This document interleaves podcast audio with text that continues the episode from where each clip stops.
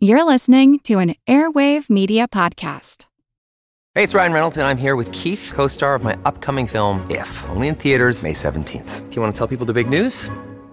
All right, I'll do it. Sign up now and you'll get unlimited for $15 a month in six months of Paramount Plus Essential Plan on us. Mintmobile.com slash switch. Upfront payment of $45 equivalent to $15 per month. Unlimited over 40 gigabytes per month. Face lower speeds. Videos at 480p. Active Mint customers by 531.24 get six months of Paramount Plus Essential Plan. Auto renews after six months. Offer ends May 31st, 2024. Separate Paramount Plus registration required. Terms and conditions apply if rated PG. Look, Bumble knows you're exhausted by dating.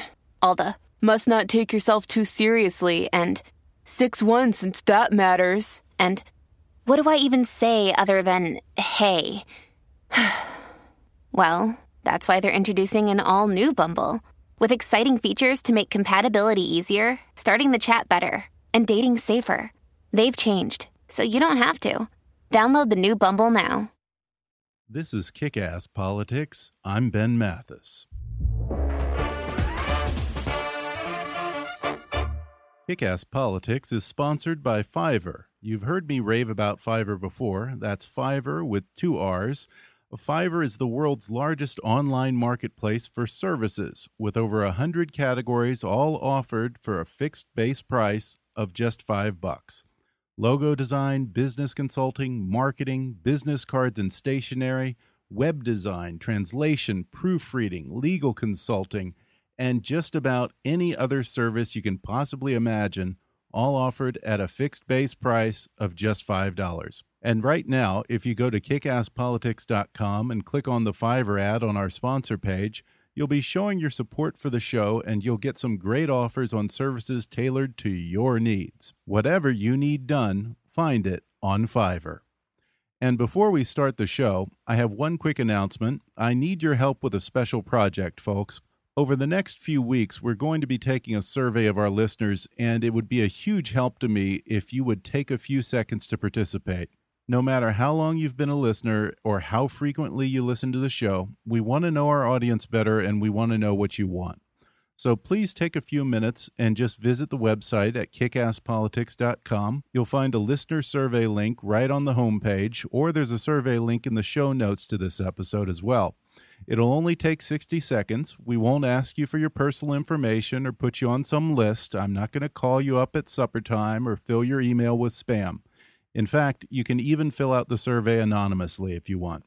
It's just a few quick questions to help us understand who's listening, and honestly, it'll be a huge help to me.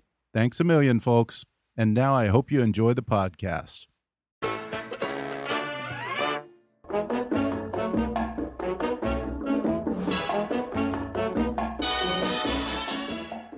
Havana, Cuba, birthplace of the Mambo, Bacardi rum, and of course, those inimitable Cuban cigars. In its heyday, from the 1920s to the late 50s, the island was a tropical paradise for American pleasure seekers. Sin City on the Caribbean. Prohibition's got you down? Come to Havana and drink Cuba Libres until you can float your way back to Florida. Gambling? It's only a 90 minute boat ride away. Girls? Well, let's just say that 53 years after the embargo, American men still talk about those Cuban senoritas. In those days, Havana offered anything and everything for Americans with money to spend, all thanks to a friendly government and a booming resort business run by American gangsters like Meyer Lansky. But the party ended on the first day of 1959 when President Fulgencio Batista hopped a plane for the Dominican Republic just as Fidel Castro's fighters approached the outskirts of Havana. You know, it's the New Year's Eve scene from Godfather 2. There's a plane waiting for us to take us to Miami in an hour, all right? Don't make a big thing about it. I know it was you, Fredo. You broke my heart. You broke my heart. Since then, Cuba has taken on an almost mythical mystique in the popular imagination of Americans. Today, Havana is a nostalgia lover's heaven. Everywhere you go, you can see the faded glamour left over from better days, and people still living much as they did six decades ago. Driving Studebakers and Chevy Bel Airs that look like they're practically held together with duct tape. And the old Hotel Nacional de Cuba, once the swanky playground of America's elite, now seems more like a set piece from the Grand Budapest Hotel. No town in the world, short of Williamsburg, Virginia, has been frozen in time quite like Havana. Ghost like, intoxicating, forbidden, yet irresistible. But there's nothing romantic or nostalgic about the story of how Cuba got to this point. And today, many Americans are all too eager to sweep that history under the rug in the race to reopen relations and hurry down to Havana before they can fix things up too much. My guests on the show today were witnesses to the overthrow of Batista and the rapid descent of Cuba under Castro. It's a story of fathers and sons, two young boys who were forced to say goodbye to their parents as they boarded the so called Peter Pan flight for America, and the tragic fate of the dads they had to leave behind. In the first half of today's podcast, I'll talk with Carlos Eire. Today, he's a professor of history and religious studies at Harvard and a best selling author who won the 2003 National Book Award for his true story, Waiting for Snow in Havana Confessions of a Cuban Boy. And after that, I'll talk with Tomas Regalado. After coming to America as a kid, he followed in his father's footsteps, becoming a journalist for Spanish language broadcast network Univision, and he was the first Cuban American member of the White House press corps. Now, Tomas Regalado is mayor of the city of Miami, which is home to the largest population of Cuban Americans. Today, these men will speak the truth about life under the Castro regime and they'll also have some strong words for President Obama about coddling a murderous regime and getting in bed with the last remaining communist dictator. Coming up in just a moment.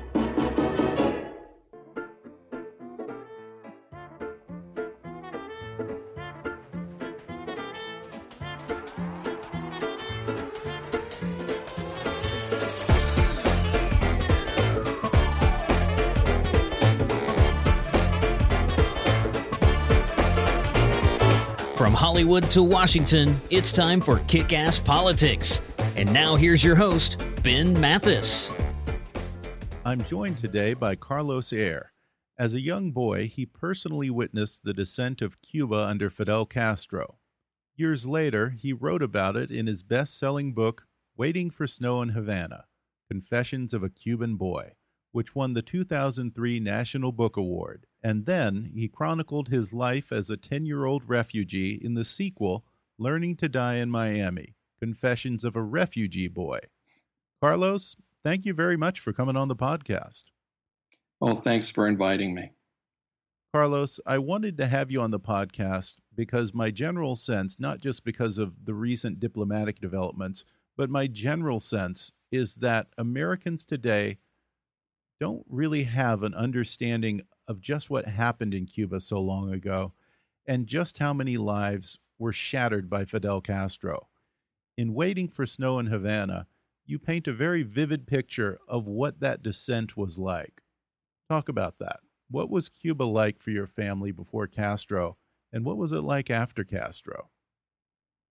Since I was born in 1950, it means that my entire childhood was lived under President Batista he was very corrupt, but he wasn't a totalitarian type of dictator who wanted to control people's thoughts and control everyone's life.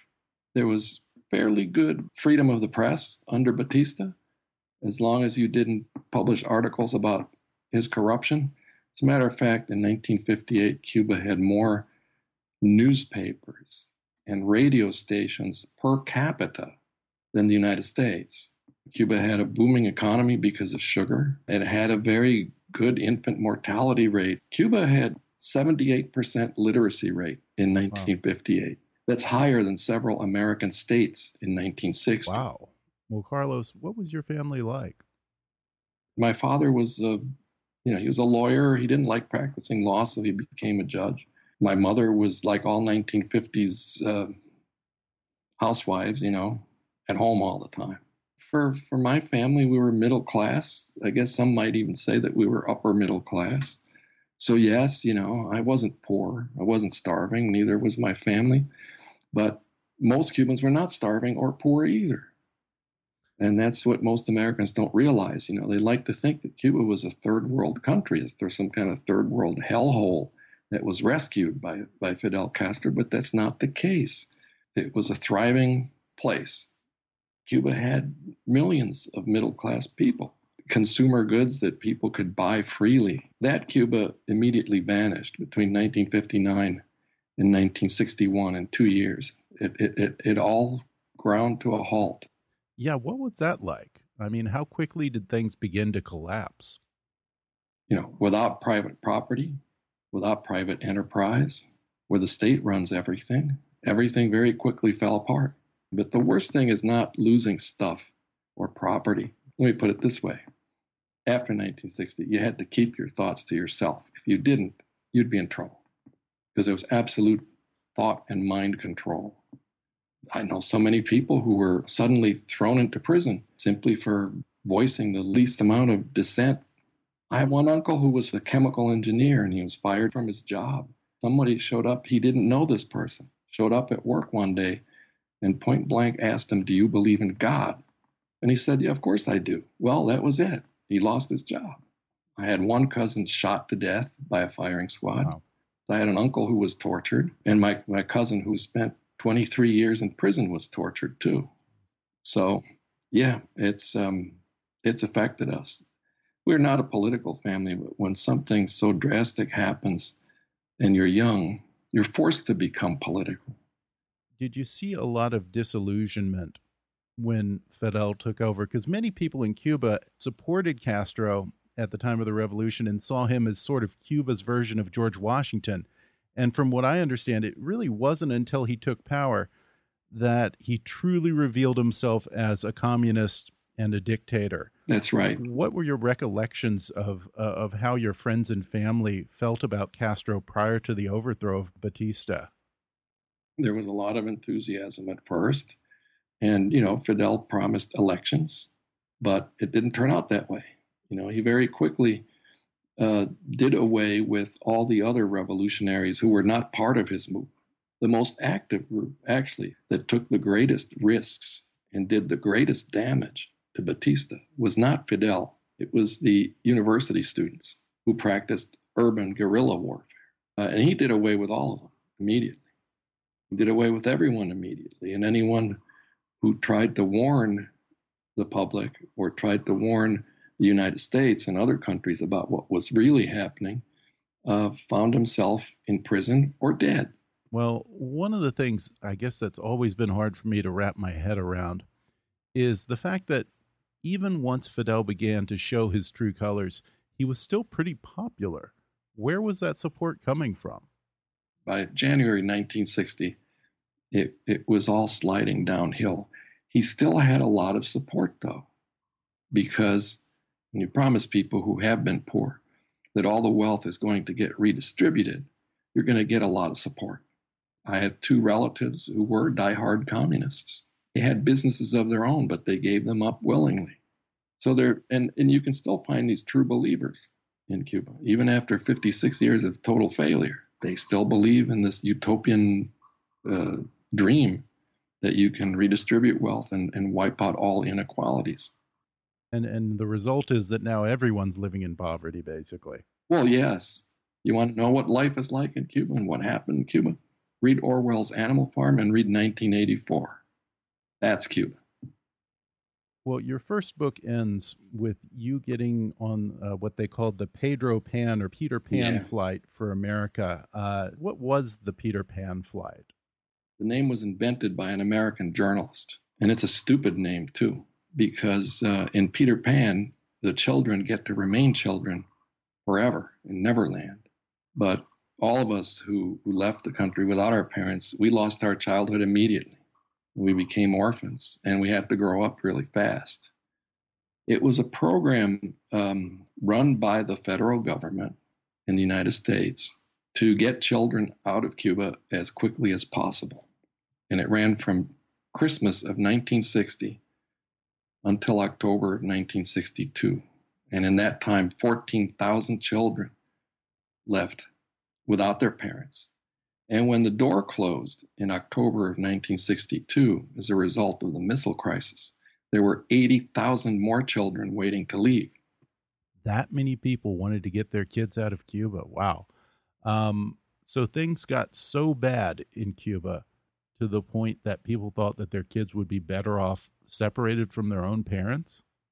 The idea was get the children out quickly because, in fact, many children were being taken away from their parents anyway. The children they identified as talented would be sent to Eastern Europe. For the rest of the kids, um, they'd be taken away from their parents too because the so called free education in Cuba is not free. All children have to spend the entire summer doing agricultural labor away from their parents. And this is still true, this is still the case. And they would um, try to send you as far from your parents as possible. Plus, the schools were completely taken over by the government and is nothing but indoctrination. So parents had this difficult choice to make. The idea was you send the kids, get them out of danger immediately, and then as a parent, you either follow a few months later, or you know things will change because nobody thought the Castro regime would, would last so long. And that wasn't an easy process for either, because apparently oh, you were in foster homes uh, for about three and a half years before yes. your mother finally was able to come to the United States. Right, and my father never got to come. Uh, by October of '62, about half had been reunited with their parents. But when the missile crisis put an end to all migration from Cuba. And it was Fidel Castro who stopped it, not the US. He wouldn't let anybody leave. The parents of half of us were trapped. My mother had an exit permit for November 7th, 1962. The door closed on October 26th. So she missed it by two weeks. And then she had to wait another more than three years to be reunited with us. Jeez, that is heartbreaking. Uh, so then, what was your adjustment like to life here in America? We all had to grow up really fast, and it was there was a lot of trauma, but we all adapted. We didn't really feel the results of all that quick adaptation until we were in our 20s and 30s. You suppress a lot of things. You just you, you bury them deeply. But you know, they're the kind of things that just bounce up, especially after you start having children of your own the hardest adjustment we had to make was not coming to the US without our parents, but rather being reunited with our parents and having our roles reversed because we knew English. most of them didn't. And most of them came to the US with no transferable job skills. So immediately, every Cuban adult who came to the United States was an instant poor person even if they were working, they were working poor. This was especially tough on people who had had careers or businesses of their own in, in, in the old Cuba. And plus, there, was a lot of discrimination as against all Hispanics you know, back in the 1960s. It wasn't easy. Well, as a young refugee from Cuba, did you interact with many other Cuban exiles? And what was the atmosphere, of the morale like among the Cuban dissidents who were newly arrived in America? My first foster family was American.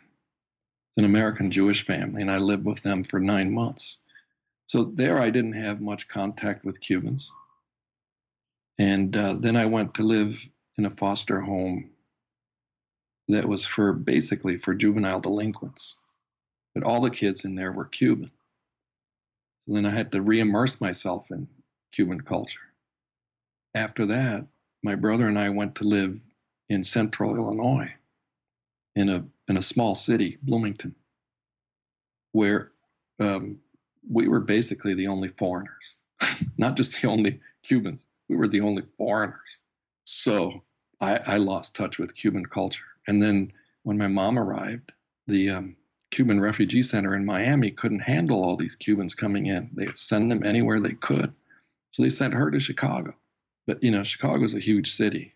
So I lost my Cuban identity. And for me, that wasn't hard to do because, you know, I was a kid and I just I realized by the time I was about 14 that, um, you know, it's not likely things are going to change in Cuba. It's not likely I'll ever be going back. So And I liked it. I liked the United States. Well, like you said, it took three years for you to be reunited with your mother, but your father you never saw again.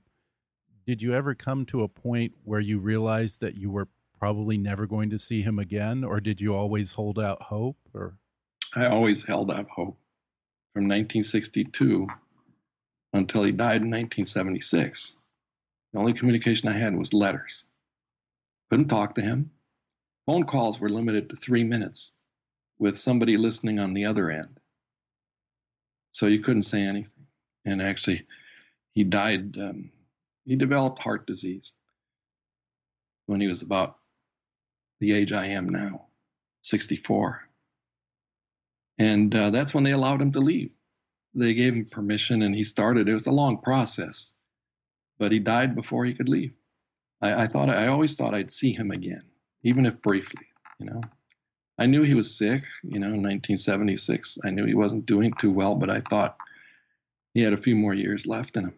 So when your dad passed away, they wouldn't allow you to come back and attend his funeral? We didn't find out he was dead until he was already buried. So I'm passionate about letting the truth be known about the Castro regime. Uh, and it's quixotic Okay. I'm like Don Quixote tilting at windmills, but I have to try anyway. Because as a historian, it just bothers the hell out of me that the wrong history that most people have in their heads about Cuba. And then the results that that false history uh, has, as for instance, in the current occupant of the White House, um, who dismisses everything that happened in Cuba uh, before he was born as unimportant. Now, he doesn't care about Cubans. He knows damn well that life is not going to improve for Cubans as a result of his actions. But he doesn't care. Repression has increased since December 17th, and it's going to keep increasing because they know now that they there's not there's no there's no pushback from the United States. There's no pushback from anybody. So yeah, well, we've all but given the Castros our blessing pretty much. Uh, well, Carlos, before I let you go, now that things are opening up again, do you have any desire to go back even for a visit? Be realistic. No, I don't think so. For one thing, I can't go right now, even if there were direct flights, because I've been declared an official enemy of the state by dedicating my National Book Award to the political prisoners in Cuba. That's all it took. So my books are banned in Cuba, and I'm an official enemy of the state. So I used to think maybe in my 70s, maybe in my 80s, if I live that long, I'll get to go because things will have changed. But now, thanks to what happened on December 17th, I don't think I'll ever be able to go again. And even if they said, "Come on down," I, I would, uh, I wouldn't go. Well, Carlos, thank you very much for taking the time to share your story. It is heartbreaking. We're going to take a short break, and then I'll talk with the man who has his finger on the pulse of the largest Cuban American community. I'm, of course, talking about the neighborhood of Little Havana and Miami Mayor Tomas Regalado. He says if the president wants to let Cuba open a consulate in Florida, don't do it in Miami. That's coming up in just a moment.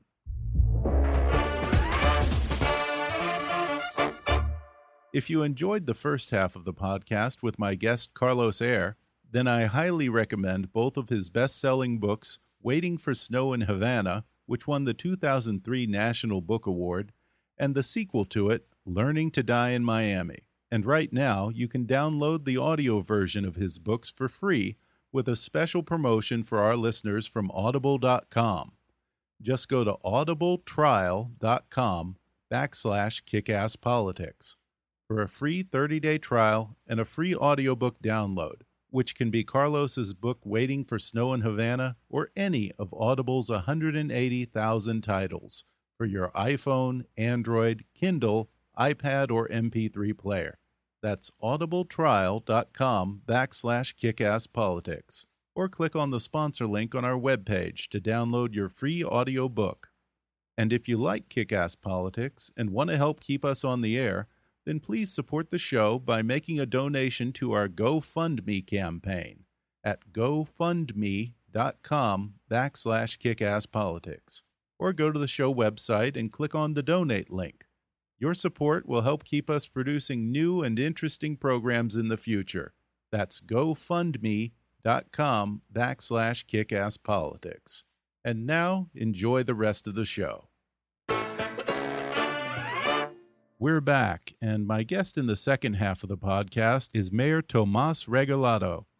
After coming to America at age 14 on one of those same Peter Pan flights, Tomas Regalado became a journalist, eventually working at the Spanish language network Univision and becoming the first Cuban American member of the White House Press Corps. From 1996 to 2009, he served as Miami City Commissioner, and since 2009, he continues to serve as the mayor of Miami. Mayor Regalado, thank you for joining me over the phone to talk about Cuba. Well, thank you. Thank you very much for having me. First off, I just want to ask your father spent 22 years as a political prisoner under Fidel Castro, kept away from his wife and family in miserable conditions until he was finally released and allowed to come to the U.S. and join you in Miami. If he were alive today, what do you think he would say about this sudden overnight shift in U.S. policy toward Cuba? Well, you know, he he was jailed because he was a journalist he was jailed because uh, he was outspoken and uh, he fought the Batista regime uh, before Castro. As a matter of fact, he knew Castro during the revolution. Uh, he became the president of the Cuban Journalists Association in 1959 when the revolution came to power, when people thought that we were going to have uh, a free democratic uh, country at the time. And, uh, and my father was an advocate uh, for free speech and free media. And because of that, he denounced the regime and went to jail. He always asked the United States to respect human rights uh, in the world and especially in Cuba. So my father will say if he were to be alive, you have to have uh, free speech, uh, free press, uh, free elections, uh, something that the Cuban government has not committed to the United States for this uh, relationship that just started. And, and that is why, as an American, I question the fact that the United States has always been the beacon of uh, human rights and hopes uh, of democracy for the world. And on this case, on this particular case, we haven't been asking the right things to the Cuban government. Is there a part of you that thinks, well, what the hell was the point of all this? Why did my father suffer for 22 years in prison? What have we been fighting for for 56 years now? If the President of the United States can just throw in the towel and erase all of that with the stroke of a pen. And and and this is exactly what what has happened. I think that the normalization of relations it's only a headline. Uh, so he can just say uh, that he fixed a failed policy of many administration by establishing relations, but that's the end of the story. Right. And many people were hopeful that Raul Castro was going to be some kind of a reformer do you see any difference from one Castro brother to the other? The language of Raul Castro today, after the flag uh, was raised in Havana, is the exact language of Fidel Castro in 1960 when he broke relations with the U.S. Nothing has changed, not even the wording. They are not even willing to say, well, you know, we were willing to sit down with the U.S. government and talk about human rights and talk about uh, other issues, and we move we will move forward. It could have been a good thing, but I don't think that that President Obama he can claim that he brought back democracy to Cuba, which should have been his legacy. I think that this is not a triumph for the United States of America. Yeah, well, if it is, it's a pretty hollow one. Uh, last month, the White House held a secret meeting with about 80 prominent Cuban American leaders to discuss the president's plan to normalize relations. Were you at that meeting? And if so, what was said? No, I wasn't. I was not invited. But I do know people that were there. It wasn't that secret. You know, when you have three people in the room, uh, there's no way to keep a secret. Uh, and several friends of mine were there. Uh, the idea of the meeting was the official line is okay, the embargo has not worked. Cuba has not been able to become democratic. So let's do away with embargo and see what happens. And, uh, and let's keep the finger crossed and let's hope that everything will be okay. What would you say to those who do make that argument that this strategy hasn't worked for 53 years, so we need to change our strategy and try something different? Well, I, I totally agree, but the strategy that the White House is using is worse than the embargo right. because it's a strategy of not doing anything. As the mayor of the city with the largest Cuban American population and arguably the most invested in whatever happens here, did the White House reach out to you at any point? Yes, they did. Before the president made the announcement last December, uh, one of the White House aides uh, informed me of what the president was about to say. And also later, after the announcement, uh, I had the visit here at City Hall of the National Security Advisor for Latin America and the head of the Cuban, the, the U.S. interest section in Havana. Uh, they were very gracious, uh, but at the end of the day, uh, they said exactly what they're saying to the media. And I told them uh, that uh, I, I, think that for several reasons, this strategy won't work. And they admitted that this is a very long term goal. And I also told them that I will oppose a Cuban consulate here in Miami because this is an unfunded mandate. Uh, because the State Department is not going to pay for our police uh, to guard the Cuban consulate, uh, to protect the protester, to protect the people that would go to the consulate, to protect the Cuban diplomats. So you feel that it's a uh, safety and, issue? It is a it is a safety issue. As a matter of fact, when the U.S. flag was raised in Havana that same day, we had uh, several fistfights in the streets of Miami between people that feel that was the right thing and people that feel that it was the wrong thing. And the police had to intervene. People were arrested. So why the taxpayers of Miami have to pay hundreds of thousands of dollars in police overtime uh, to take care of the Cuban consulate? Uh, how did they put that when you had that meeting? How, how forcefully did they suggest uh, that Miami needed a Cuban consulate? No, they didn't. Uh, I mean, forcefully, they said that it was a very strong possibility uh, because ah. it's all about what the Cuban government wants. If the Cuban government wants a consulate in Miami, well, the U.S. have to accept that uh, because that's the way that international relations goes. But having said that, and, and I said to them, look, you know, maybe 60% of the people don't care, but 40% uh, of the people are going to care. Are we going to have uh, protests? Are we going to have people uh, fighting against uh, their own people uh, at the place, uh, like we had when the Venezuelan consulate was open here in downtown Miami. I mean, we have to send the police like every day. So yeah. this is a problem for us. As mayor, you're out there in Little Havana on the streets talking to people every day. What have you been hearing from the Cuban Americans in Miami? That the Cuban Americans uh, do not trust the Cuban government and they do not believe that this is going to end up bringing back democracy uh, to Cuba. The Cuban people think we have had uh, a lot of offerings to Cuba while Cuba has not offered anything back to the U.S. there are some people that say, "Oh yeah, yeah, you know, it's it's it's good that we have relations," but when you ask them, "Well, why, why? What does that mean?"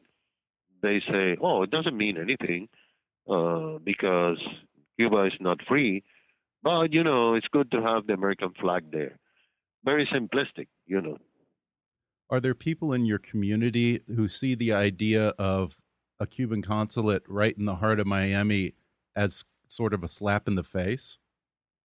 Yes, they do. They do because they they feel that the wounds have not healed yet for many people. There's a lot of people here in Miami whose husband was killed in Cuba, or uh, the father was in jail, or the cousin was shot by the Cuban government, or a friend died in the Strait of Florida. It's, it's you know, the, for 56 years, the Cuban tragedy has touched every single family in the island. So you have all these people that have this uh, feeling of, of not closure in terms of Cuba. Well, there are also those who would say, uh, on the flip side of that, that you know your city having the largest population of Cuban Americans in the country, there are families who are going to want to finally be reunited, and it's where there is perhaps the greatest need for a Cuban consulate. What do you say to that argument? Well, I think that's correct too. But I will tell you something: families are being reunited long before Obama decided to have good relations because remember, uh, the Congress of the United States passed the Cuban Adjustment Act, which is the only law that protects one single nationality with citizenship, with refugee aid, and no other nationality has that benefit. We have 20,000 regular visas allocated each year to Cubans in the island. We have thousands of people claimed by their American citizens relative who can enter here with the green card the minute that they step on uh, U.S. soil. So, you know, this has been happening uh, for many years now. That's why we have uh, so many Cubans here. Well, Mayor Regalado, I'll ask you just one more question. It's the same question I asked my guest earlier. President Obama has recently indicated that commercial flights will likely resume between the U.S. and Havana by the end of the year. Do you think you'll ever set foot on Cuban soil again? No, I don't think so. I really don't. I would I would not go back to a visit. I don't think that I can uh, step on on Cuban soil uh, while a government that did this to my father and to many other fathers and, and mothers uh, is still the same and is still there. Yeah. Mayor Tomas Regalado, thank you again for taking the time to give me your perspective straight from the heart of Little Havana. You're welcome. And before we go, Carlos Eire has one more word of caution for American companies that may be seeing dollar signs and opportunity in doing business with Cuba. If the embargo is lifted, what it means is Cuba will be allowed to buy on credit. And everyone knows, and again, this is public knowledge, Cuba never pays its debts. Russia recently, Putin forgave $19 billion in loans. Uh, China restructured its debt. Europe restructured its debt with Cuba. Cuba now paying pennies on the dollar or pennies on the euro or the ruble. And now what's going to happen is if the embargo is lifted, American farmers are going to sell to Cuba on credit. They're never going to get paid. And it's American taxpayers who are going to end up paying because the agriculture department is not going to let these poor farmers go bankrupt.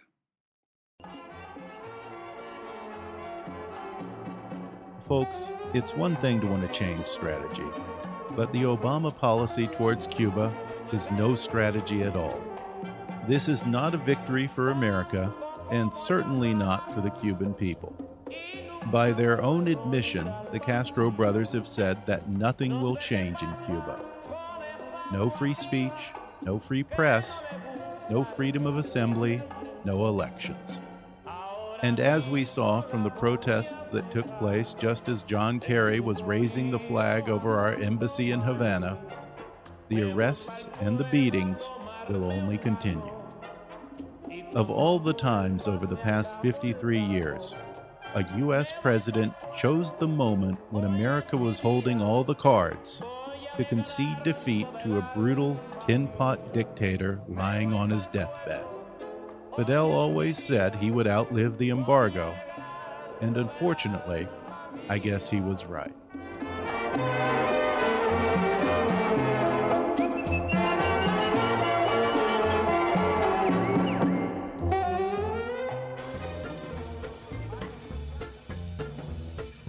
Thanks again to Mayor Tomas Regalado and Carlos Eire for coming on the podcast. If you enjoyed this episode, then read Carlos Eire's best selling book, Waiting for Snow in Havana. And you can also check out the sequel to it, Learning to Die in Miami. I'll post a link on our website where you can order them from Amazon. Or if you prefer, you can download the audio version of these books for free thanks to that special offer for our listeners from audible.com. Just go to audibletrial.com backslash kickasspolitics or click on the sponsor link on our webpage at kickasspolitics.com. You'll get a 30-day trial and a free audiobook, which can be Waiting for Snow in Havana by my guest today, Carlos Eire, or any of over 180,000 titles to choose from. Again, it's audibletrial.com backslash kickasspolitics or click on the sponsor link on our webpage. Now be sure to subscribe to the show on iTunes and leave us a review. And if you like the show, then support Kickass Politics by making a donation on our website or at gofundme.com backslash kickasspolitics. Because starting next week, I'll be doubling the number of podcasts we put out every week. But that also means doubling the expenses, and even producing one episode a week isn't cheap. So if you want more episodes of Kick Ass Politics, then please donate on the website or go to gofundme.com backslash kickasspolitics. And once again, I really hope that you'll help us out by taking that listener survey. It's on our website, or you can find the survey link in the show notes to this podcast. We really want to know who's listening to the show, and it'll be a huge help to me both for our advertisers and also just from a content standpoint. So I hope you'll take 60 seconds to do that. It'll be a huge help to me. You can keep up with the show on our Facebook page or follow us on Twitter at, at KAPolitics. And as always, I welcome your comments, questions, gripes, and suggestions at comments at kickasspolitics.com. In the next show, I'll talk with Mark Steyn. He's a best selling author and conservative political commentator, but you probably know him best as the frequent guest host for Rush Limbaugh. In his new book, he's gathered dozens of the world's most prominent scientists to take an unbiased scientific look at the decidedly unscientific report that became the basis for Al Gore's An Inconvenient Truth, the Kyoto Treaty, and nearly two decades of global warming hysteria. And then later in the week, I'll talk with the modern day monuments men who are risking their lives to protect priceless artifacts and World Heritage sites from the destructive path of ISIS. So be sure to tune in then. But for now, I'm Ben Mathis, and thanks for listening to Kick Ass Politics.